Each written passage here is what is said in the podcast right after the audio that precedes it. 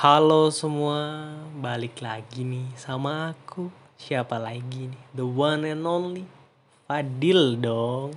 Masih inget gak nih sama aku teman-teman? Jahat banget sih kalau kalian lupa ya.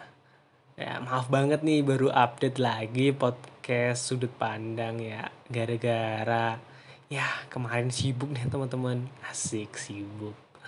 Oke deh, dan selamat ke mendengarkan kembali podcast Sudut Pandang.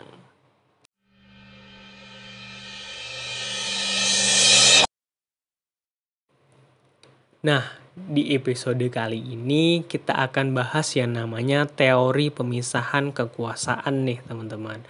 Atau the separation of power kerennya nih. Iya, pemisahan. Jangan salah dengar perpisahan ya. Ini perpisahan kamu sama dia ini. Bukan, bukan ya. Balik lagi ya, balik-balik. Teori pemisahan kekuasaan nih teman-teman. Pertama kali dipopulerkan secara ilmiah oleh John Locke. Seorang filsuf berkebangsaan Inggris dalam bukunya yang berjudul The Two Treatises of Government yang terbit tahun 1690 nih.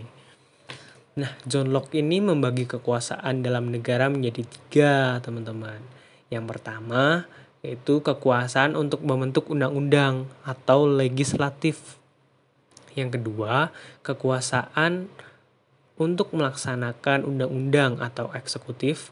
Dan yang ketiga adalah kekuasaan mengenai perang dan damai, membuat perserikatan dan aliansi, serta segala tindakan dengan semua orang dan badan-badan di luar negeri atau federatif.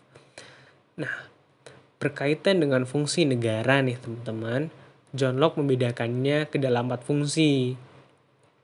Nah, keempat fungsi tersebut antara lain yaitu pembentukan undang-undang atau legislating. Kemudian fungsi membuat keputusan atau judging.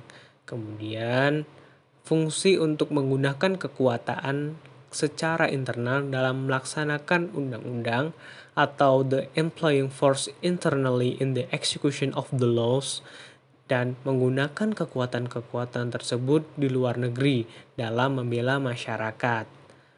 Nah, John Locke juga beranggapan nih teman-teman bahwa kekuasaan yang diletakkan pada tangan yang berbeda ini dapat mencapai suatu keseimbangan. Jadi kayak nggak ada yang punya apa ya power berlebihan gitulah.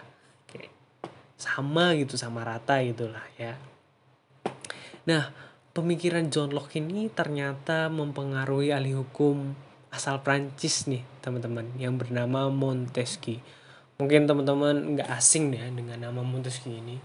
Mungkin dari SMP atau SMA kalian udah mengenal tokoh ini ya. Di mana Montesquieu ini lebih menyempurnakan konsep pemisahan kekuasaannya. Nah, Montesquieu dalam bukunya yang berjudul The L'Esprit de Loi, asik, itu bahasa bahasa Prancisnya ya, atau The Spirit of Laws yang terbit tahun 1748 ini mengemukakan teori pemisahan kekuasaan negara. Nah, Montesquieu ini membagi kekuasaan dalam suatu negara menjadi tiga nih. Sama kayak John Locke tadi jadi tiga teman-teman. Namun ada bedanya nanti ya disimak ya. Yang pertama, kekuasaan legislatif atau le puissance legislatif yang membentuk undang-undang nih. Kemudian kedua, kekuasaan eksekutif, la puissance eksekutif yang melaksanakan undang-undang dan yang ketiga adalah kekuasaan yudikatif atau le puissance de yang menjalankan kekuasaan kehakiman.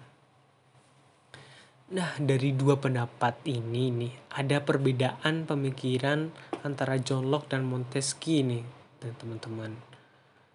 Kalau kalian cermati ya dari tadi. John Locke ini memasukkan kekuasaan yudikatif ini ke dalam kekuasaan eksekutif. Sementara Montesquieu berpandangan lain, di mana kekuasaan pengadilan atau yudikatif itu sebagai kekuasaan yang berdiri sendiri. Menurut Montesquieu, dalam setiap pemerintahan tiga jenis kekuasaan itu harus terpisah satu sama lainnya, baik mengenai fungsi, tugasnya atau tugasnya, maupun mengenai alat pelengkapnya. Nah, menurut Montesquieu ini tidak dibenarkan adanya campur tangan atau pengaruh mempengaruhi antara satu dengan yang lainnya. Nah, menurut Montesquieu juga nih, pemisahan kekuasaan artinya ketiga kekuasaan itu masing-masing harus terpisah, baik lembaganya maupun orang yang menanganinya. Jadi gak boleh sama gitu ya. Gak dipegang satu atau lembaga yang sama nih teman-teman. Nah, Montesquieu ini membuat analisis nih teman-teman atas pemerintahan Inggris dan ia menyatakan ketika kekuasaan legislatif dan eksekutif disatukan pada orang yang sama atau pada lembaga tinggi yang sama, maka tidak ada yang namanya kebebasan. Kayak ngeri banget ya, kayak gak ada kebebasan gitu loh. Nah, sekali la sekali lagi nih tidak ada yang namanya kebebasan. Jika kekuasaan kehakiman tidak dipisahkan dari kekuasaan legislatif dan yudikatif, pada akhirnya akan menjadi hal yang sangat memilukan di mana or orang atau lembaga yang sama menjalankan ketiga kekuasaan tersebut mulai dari menetapkan hukum, menjalankan hukum atau keputusan tersebut dan mengadili kejahatan atau perselisihan dari pelanggaran undang-undang tersebut. Kayak Lord Acton dalam kalimatnya yang masyur ini pernah bilang nih teman-teman Pasti kalian gak asing dengan uh, kalimat ini. Power tends to corrupt absolutely. Power corrupt absolutely. Jadi kayak uh, rawan yang namanya abuse of power kalau uh, nggak uh, ada yang namanya pemisahan kekuasaan ini kayak uh, kekuasaan itu dipegang satu orang atau lembaga yang sama ini rawan yang namanya uh, terjadinya uh, abuse of power nih. Konsep tiras politikas inilah yang kemudian menjadi landasan demokrasi yang dijalankan oleh pemerintahan di suatu negara nih teman-teman terkecuali di Indonesia. Nah, di Indonesia sendiri, fungsi eksekutif dijalankan oleh presiden, wakil presiden, dan jajaran kabinetnya. Kemudian fungsi legislatif dijalankan oleh MPR, DPR, dan DPD. Kemudian fungsi yudikatif dipegang oleh MA, MK, dan KY. Lalu ada tambahan fungsi lain, yaitu fungsi eksaminatif yang dijalankan oleh BPK atau Badan Pemeriksa Keuangan sebagai lembaga negara yang bertugas memeriksa pengelolaan dan tanggung jawab keuangan negara. Nah, tentu nih dalam penyelenggaraan pemerintahannya Ketiga kekuasaan ini dibantu oleh yang namanya lembaga sampiran negara nih teman-teman atau state auxiliary agencies. Ya, kerennya gitu ya. Yaitu lembaga negara yang bersifat independen. Di antaranya nih ada ombudsman yang bertugas untuk menangani masalah maladministrasi yang dilakukan oleh penyelenggara layanan publik. Ada juga KPK yang bertugas untuk mencegah dan menangani tindak pidana korupsi yang ternyata dilemahkan? Aduh. Kemudian intermezzo aja tadi ya teman-teman. Kemudian aja juga KPU yang bertugas untuk menyelenggarakan pemilu dan lembaga sampiran negara lainnya yang memiliki tugas pokok dan fungsinya masing-masing.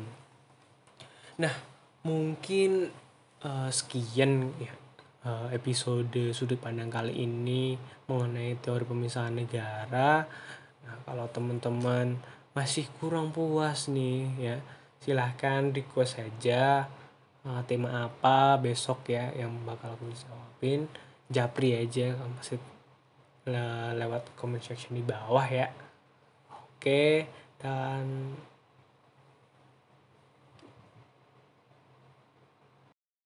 Dan terima kasih sudah mendengarkan podcast Sudut Pandang.